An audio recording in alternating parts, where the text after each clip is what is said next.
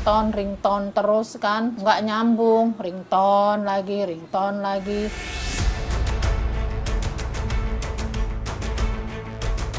Kalau ini diangkat, kemudian airnya nyala terus, sehingga tidak bisa tercatat pemakaiannya.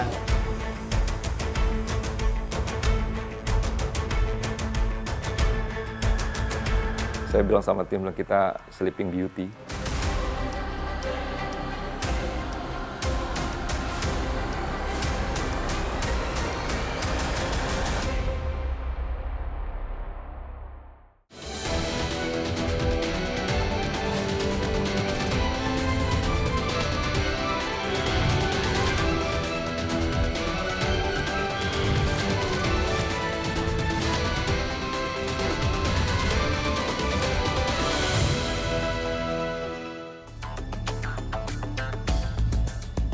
Sudah bertahun-tahun masalah yang dihadapi Muji selalu itu-itu saja.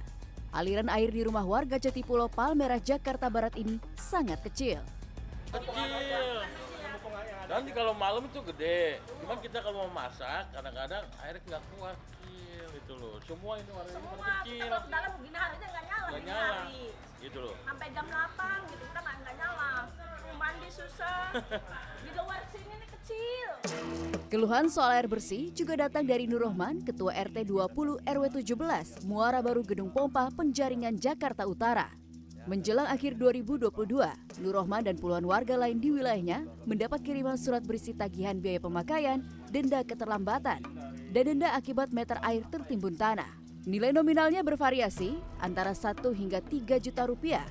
Tagihan tersebut datang dari PT Palija, salah satu operator air swasta sebelum bergabung dengan Pamjaya. Menurut Nur Rohman, memang pernah ada pemasangan pipa air di sebagian daerahnya pada awal tahun 2000-an. Tetapi, pipa tidak pernah dialiri air sampai saat ini, atau sekitar 20 tahun. tetap membayar budemen tapi tidak terbayarkan karena apa kita dengan alasan air pam itu sendiri tidak mendapatkan ke masyarakat Oke, tidak dialirkan lah gitu jadi tidak ada aliran air pam tapi masyarakat tetap diberikan tagihan abonemen gitu Iya, ya Pak ya? Ini sejak kapan Pak? sejak 2001 Sejak 2001 sudah mulai diberikan tagihan. ya Untuk Bapak sendiri nih, udah berapa kira abonemen ini? saya kurang lebih 2 juta eh, 1 juta 900 sekian kurang lebihnya Pelayanan air bersih yang tidak memuaskan juga dialami oleh Octavia Puspita. Warga Kelurahan Bangka, Kecamatan Mampang Perapatan, Jakarta Selatan ini pernah sama sekali tidak mendapat pasokan air pam pada pertengahan 2022. Octavia mencoba menyampaikan keluhan melalui telepon, tetapi tidak mendapat respon. ringtone ringtone terus kan. Nggak nyambung sama nggak nyambung. Ringtone lagi ringtone lagi. Ya akhirnya habis pulsa 50.000 ribu ya saya kesel ya. Saya nggak nelpon saya langsung aja ke sana gitu Sejak 1997, pengelolaan dan distribusi air bersih lewat pipa di Jakarta dilakukan oleh Perusahaan Umum Daerah Air Minum Jaya atau PAMJaya yang bekerja sama dengan dua mitra swasta. Keduanya adalah PT PAM Layones Jaya atau Palija dan PT Aitra Air Jakarta. Perjanjian kerjasama PAM Jaya dengan pihak swasta tersebut berakhir pada 1 Februari 2023. Mulai saat itu, pengelolaan dan pipanisasi air di Jakarta sepenuhnya menjadi tanggung jawab PT PAM Jaya. Dengan berakhirnya kerjasama tersebut, semua aduan dan penanganan keluhan layanan air pipa ditangani langsung oleh PT PAM Jaya. Mohon bersabar gitu ya. Saya tahu keluhannya banyak masih. Eh, gimana nantinya kami, berikan kami waktu karena memang 25 tahun lalu kami ya supervisi ya. Kalau saya bilang saya bilang sama tim kita sleeping beauty. Gitu ya, kita cuma ngawasi aja kita tahu bisnis lamsam, tapi saat ini kita harus turun. Menurut catatan YLKI, keluhan air mati, catatan meteran membengkak meski penggunaan air sedikit, dan air yang berbau merupakan keluhan utama pelanggan air perpipaan di Jakarta. YLKI menilai perlu ada badan khusus untuk mengawasi kinerja dan pelayanan operator air di Jakarta. entah badan pengawas atau bagaimanapun yang penting ada tim independen dalam ini kan dalam hal ini antara konsumen dan pelaku usaha kan sebagai antara bisnis bisnis to bisnis kan. Tapi dalam hal ini bagaimana bisnis itu bisa diawasi oleh pihak ketiga? Entah badan atau bagian pemerintah. Nah itu pemerintah dalam hal ini bukan cuma menerbitkan regulasi tapi juga mengawasi jalannya regulasi agar sesuai dengan implementasinya. Salah satu penyebab buruknya distribusi air di Jakarta adalah masih tingginya NRW atau non-revenue water. NRW adalah tingkat kehilangan air pump ketika didistribusikan kepada pelanggan. Saat ini tingkat NRW Pam Jaya sekitar 46 persen. Ini berarti dari setiap 100 liter air bersih yang disalurkan ke pelanggan, 46 liter di antaranya hilang, tak tercatat di meteran, sehingga tidak memberikan pendapatan bagi perusahaan daerah air minum Jakarta tersebut. Kebocoran pipa air, sambungan ilegal dan meteran rusak merupakan penyebab NRW. Kerugian akibat NRW di Jakarta ditaksir mencapai lebih dari 2 triliun rupiah dalam setahun. Kebocoran pipa air akibat kerusakan pipa-pipa tua diklaim merupakan penyumbang terbesar NRW. Revitalisasi pipa merupakan salah satu opsi yang diambil untuk mengurangi NRW. Dalam rupiah kalau ekuivalennya kita sales saat ini 3 triliun, seharusnya kita 6 triliun gitu ya, atau 5,5 triliun. Jadi kalau 46 persennya refleksinya itu berarti sekitar 2,5 triliun setahun. Angka yang cukup signifikan gitu ya untuk perusahaan. Kerusakan meteran air merupakan sumber NRW karena menyebabkan ketidaksesuaian antara tagihan dan pemakaian air pelanggan.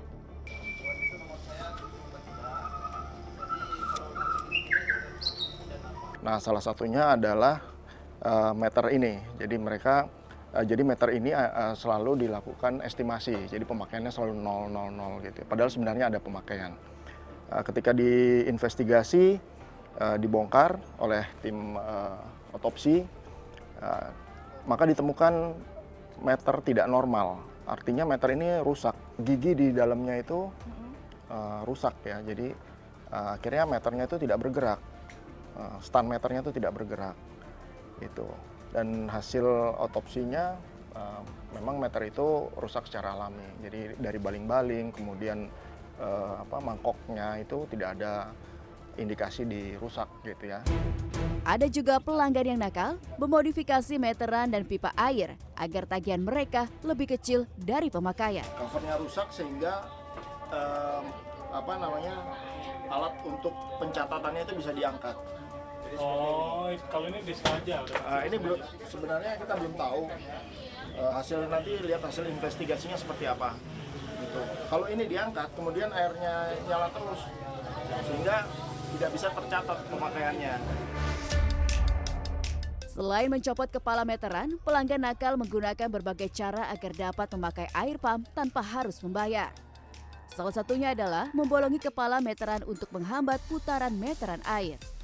Membuat bypass sambungan baru sebelum air masuk ke meteran akan mengurangi catatan jumlah pemakaian pelanggan. Yang melanggar bukan hanya pelanggan rumah tangga, tetapi juga korporasi. Ada satu kasus yang kami baru temukan juga, itu uh, bypass murni. Jadi meternya dicopot dan kemudian disambung dengan uh, menggunakan pipa. Dan itu permanen.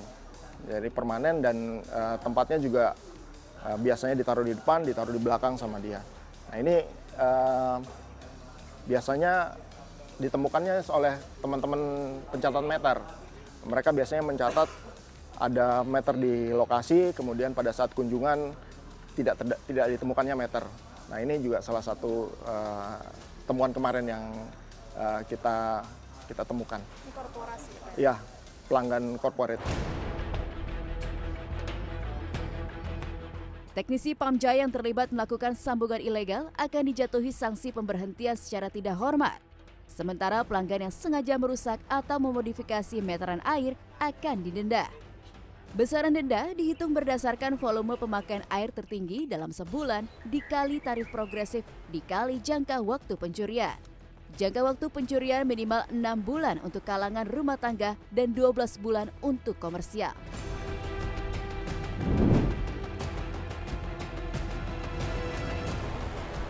kita tidak tahu bahwa air yang di luar itu asalnya dari mana. Itu yang uh, apa membuat air itu bau ke konsumen.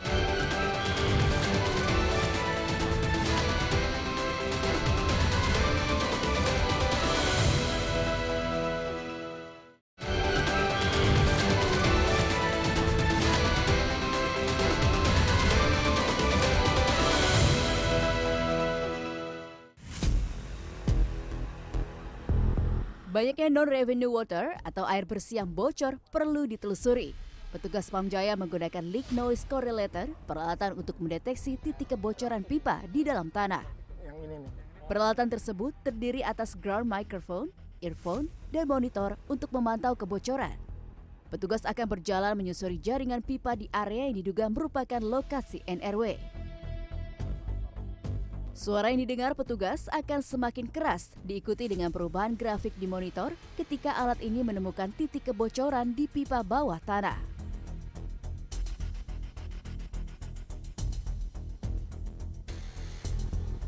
Melalui alat deteksi ini bisa terdengar bahwa jika ada kebocoran ya Pak, ya bunyinya seperti air mengalir yang agak seperti deras gitu, seperti menyemburkan air. Dan jika uh, kita memindahkan alat ini ke uh, beberapa sedikit jarak di sebelahnya dan uh, terdengarnya uh, sedikit kecil itu berarti bukan kebocoran bukan di situ ya Pak ya. Jadi yang terdengarnya besar air suara airnya itu berarti noise-nya uh, itu terjadi kebocoran pipa di dalamnya. Titik kebocoran yang telah terdeteksi selanjutnya ditandai dan selanjutnya akan dilakukan perbaikan. Panjang jaringan pipa air minum, primer, sekunder, maupun tersier untuk pelanggan di DKI Jakarta mencapai lebih dari 12.000 km. Hampir seluruh pipa tersebut dipendam di tanah dengan kedalaman rata-rata lebih dari 1 meter. 70% pipa yang ditanam berusia di atas 20 tahun. Sebagian di antaranya menggunakan bahan galvanis yang rawan karat dan kebocoran sehingga menjadi sumber NRW. Petugas dapat mengakses data yang dikirim instrumen DMA secara online melalui ponsel. Setelah area NRW diketahui, maka langkah selanjutnya adalah melakukan deteksi titik kebocoran di wilayah tersebut. Setelah mempelajari peta jaringan, petugas menggunakan peralatan leak noise correlator. Selain dideteksi dengan peralatan, laporan kebocoran juga diperoleh dari pelanggan atau warga.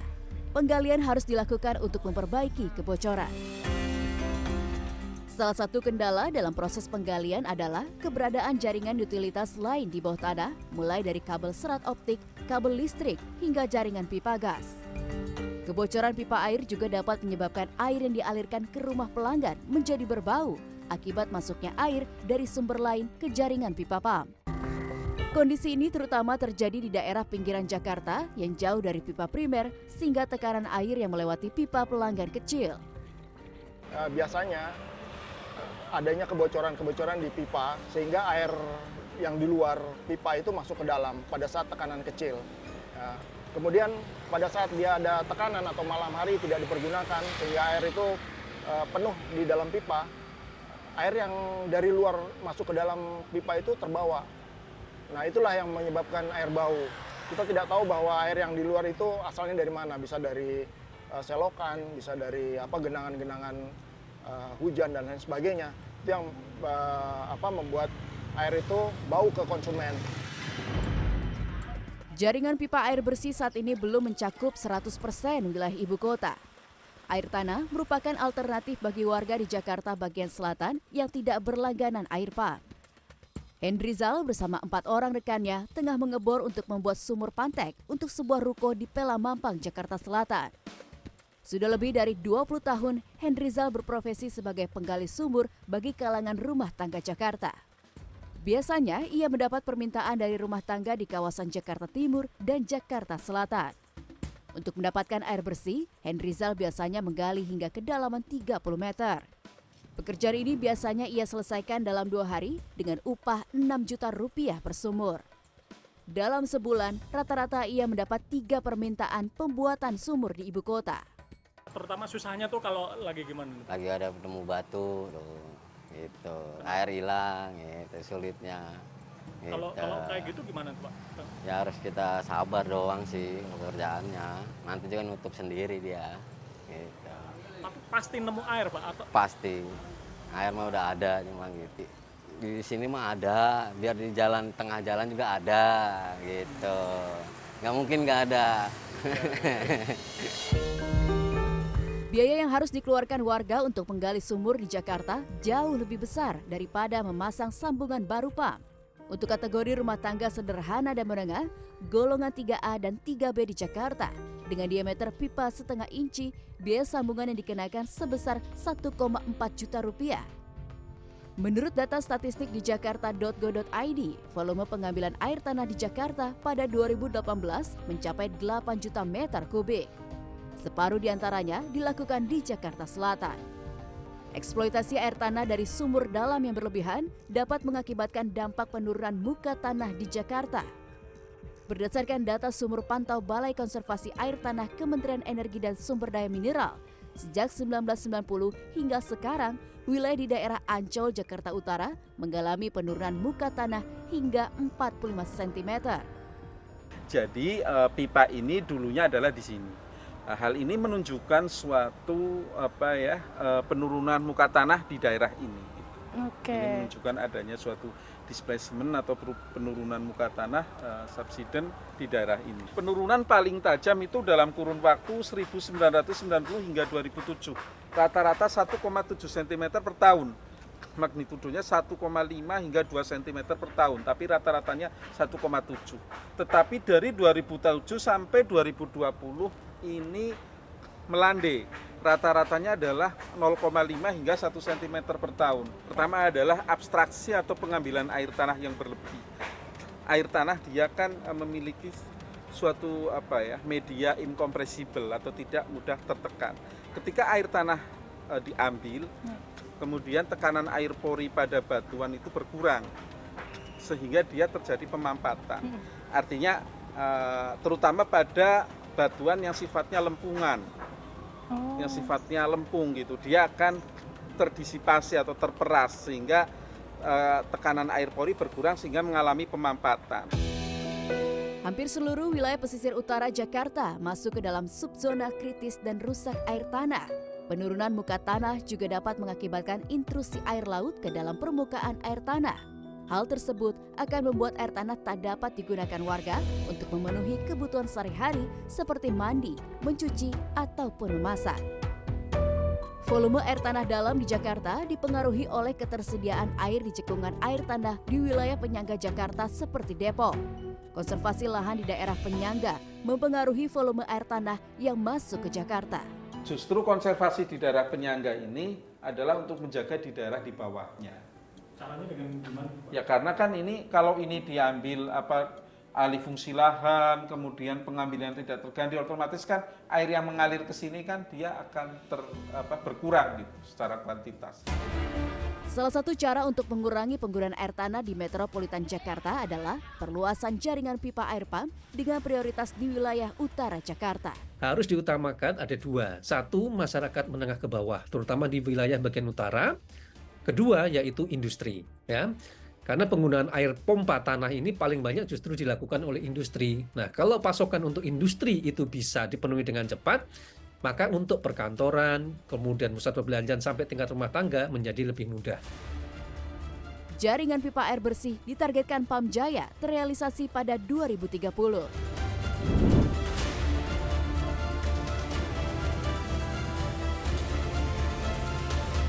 Kalau misalnya ibu beli air bersih ini kan sehari atau dua per dua hari itu bisa 6 pikul ya bu ya? Itu Iya. sebulan kurang lebih berapa bu? Udah peng Lebih udah dari keluar. 500 kadang. Buat air bersih Iya. ini ya bu? Hari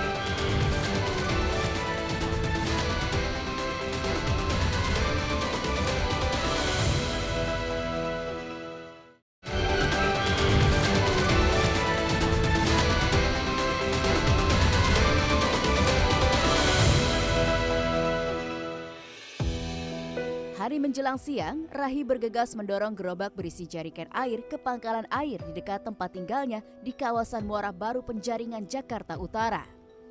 Ia membayar Rp10.000 untuk 14 jarikan penuh yang masing-masing berisi sekitar 20 liter air bersih.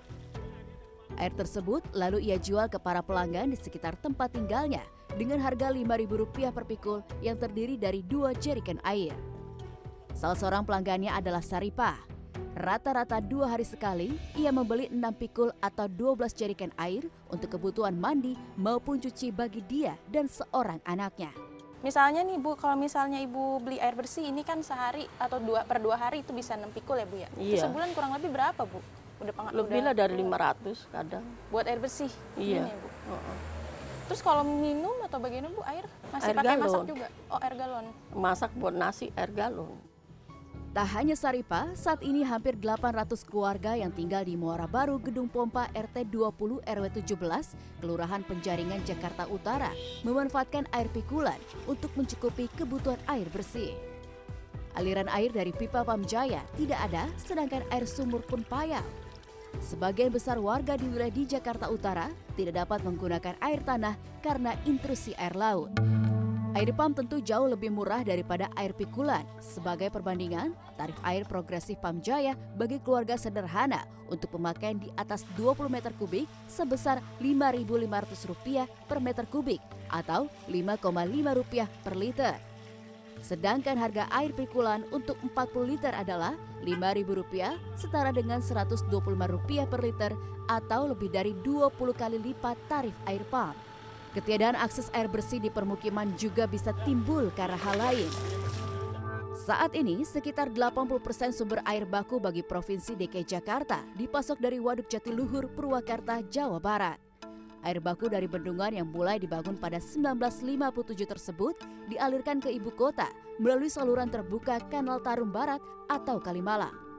Air tersebut selanjutnya diolah di instalasi-instalasi pengolahan air atau IPA di Jakarta. Selain menggunakan air dari Waduk Jatiluhur, PT Pamjaya juga memanfaatkan sumber air baku yang berada di wilayah Jakarta untuk memenuhi kebutuhan air bagi warga ibu kota. Selain Waduk Jatiluhur yang menjadi sumber air utama di Jakarta, terdapat juga sumber-sumber air lainnya, salah satunya itu Kali Mukirfat. Kali Mukirfat dibangun pada periode 1700-an oleh VOC untuk mengalirkan air dari Sungai Cisadane ke kanal-kanal Batavia lainnya untuk memberikan suplai air dan juga mengendalikan banjir. Kondisi Kali Mukirfat kini terlihat kotor dan menjadi tempat pembuangan limbah pabrik maupun limbah rumah tangga. Namun meskipun begitu, tahukah Anda bahwa Kali Mukirfat ini merupakan sumber air baku bagi Pamjaya? Instalasi pengolahan air Mukerfart berada di wilayah Cengkareng, Jakarta Barat dan mulai beroperasi pada 2021 dengan mengambil air baku dari Kali Mukerfart. Air Kali Mukerfart berwarna hitam akibat bercampur dengan limbah dan sampah rumah tangga dan industri.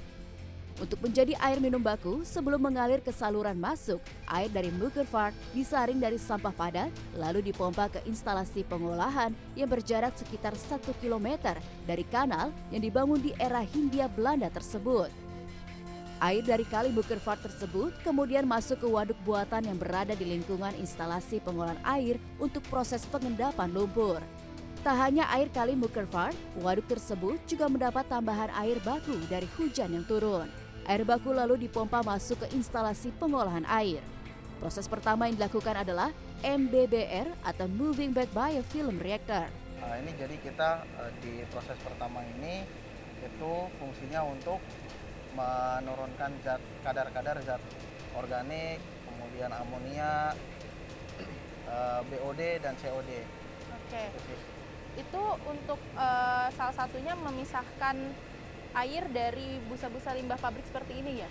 Iya, uh, sama. Nah, ini yang uh, kelihatan busa-busa ini itu menandakan di air baku yang tadi dari depan yeah. pompakan itu itu banyak mengandung limbah rumah tangga, salah satunya deterjen. Hmm. Jadi saat masuk ke kita di proses MBBR, ini deterjennya uh, kelihatan langsung kelihatan di atas. Langsung.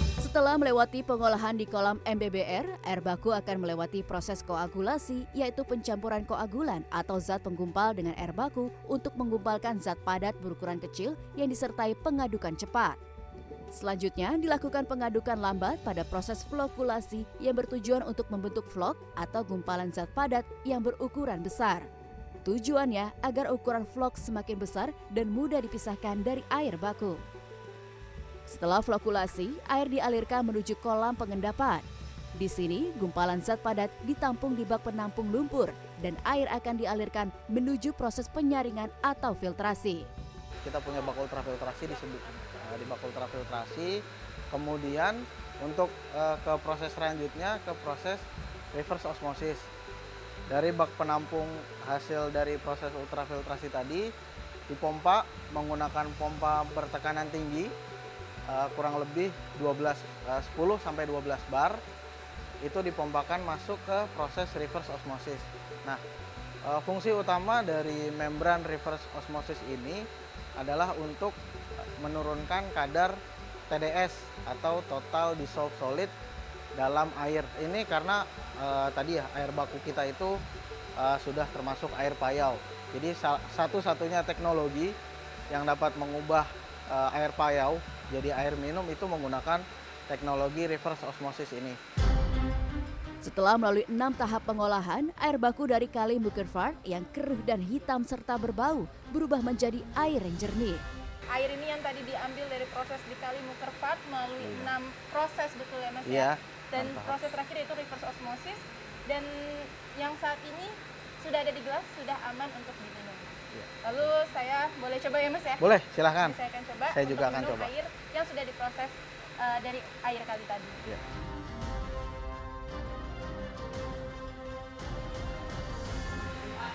Gimana mbak rasanya? Tentu nggak ada bau sama sekali. Kapasitas pengolahan air di IPA Mukervar mencapai 10 liter per detik. Air dari sini disalurkan ke rumah susun Daan Mogot yang terletak sekitar 1 km dari instalasi pengolahan. Menurut data jakarta.bps.go.id pada 2021 terdapat sekitar 2,7 juta rumah tangga di ibu kota. Sedangkan rumah tangga yang berlangganan PAM hampir 800 ribu rumah tangga. Uh, ini juga bagian dari action plan yang juga sudah kami siapkan gitu ya. Kita juga kemarin baru signing project dengan uh, pola KPBU gitu ya, yang dikerjasamakan antara PUPR, pemerintah DKI Jakarta dan swasta gitu ya. Tetapi peran sertanya sudah tidak sama seperti 25 tahun lalu. Jadi sistem pengelolaannya semua dikendalikan oleh Pamjaya, dibantu ada di hulunya itu PUPR, di tengahnya ada investor yang ingin kemudian melakukan kerjasama dengan kita dengan berinvestasi sebesar 23,8 triliun itu dan itulah nantinya pipa-pipa baru yang kemudian akan tersambung ke setiap rumah menjadi cakupannya 100%. Secara keseluruhan, sampai awal 2023, kapasitas produksi air pam Jaya di semua instalasi pengolahan air di Jakarta mencapai 20.000 liter per detik. Air tersebut didistribusikan ke lebih dari 910.000 pelanggan di ibu kota.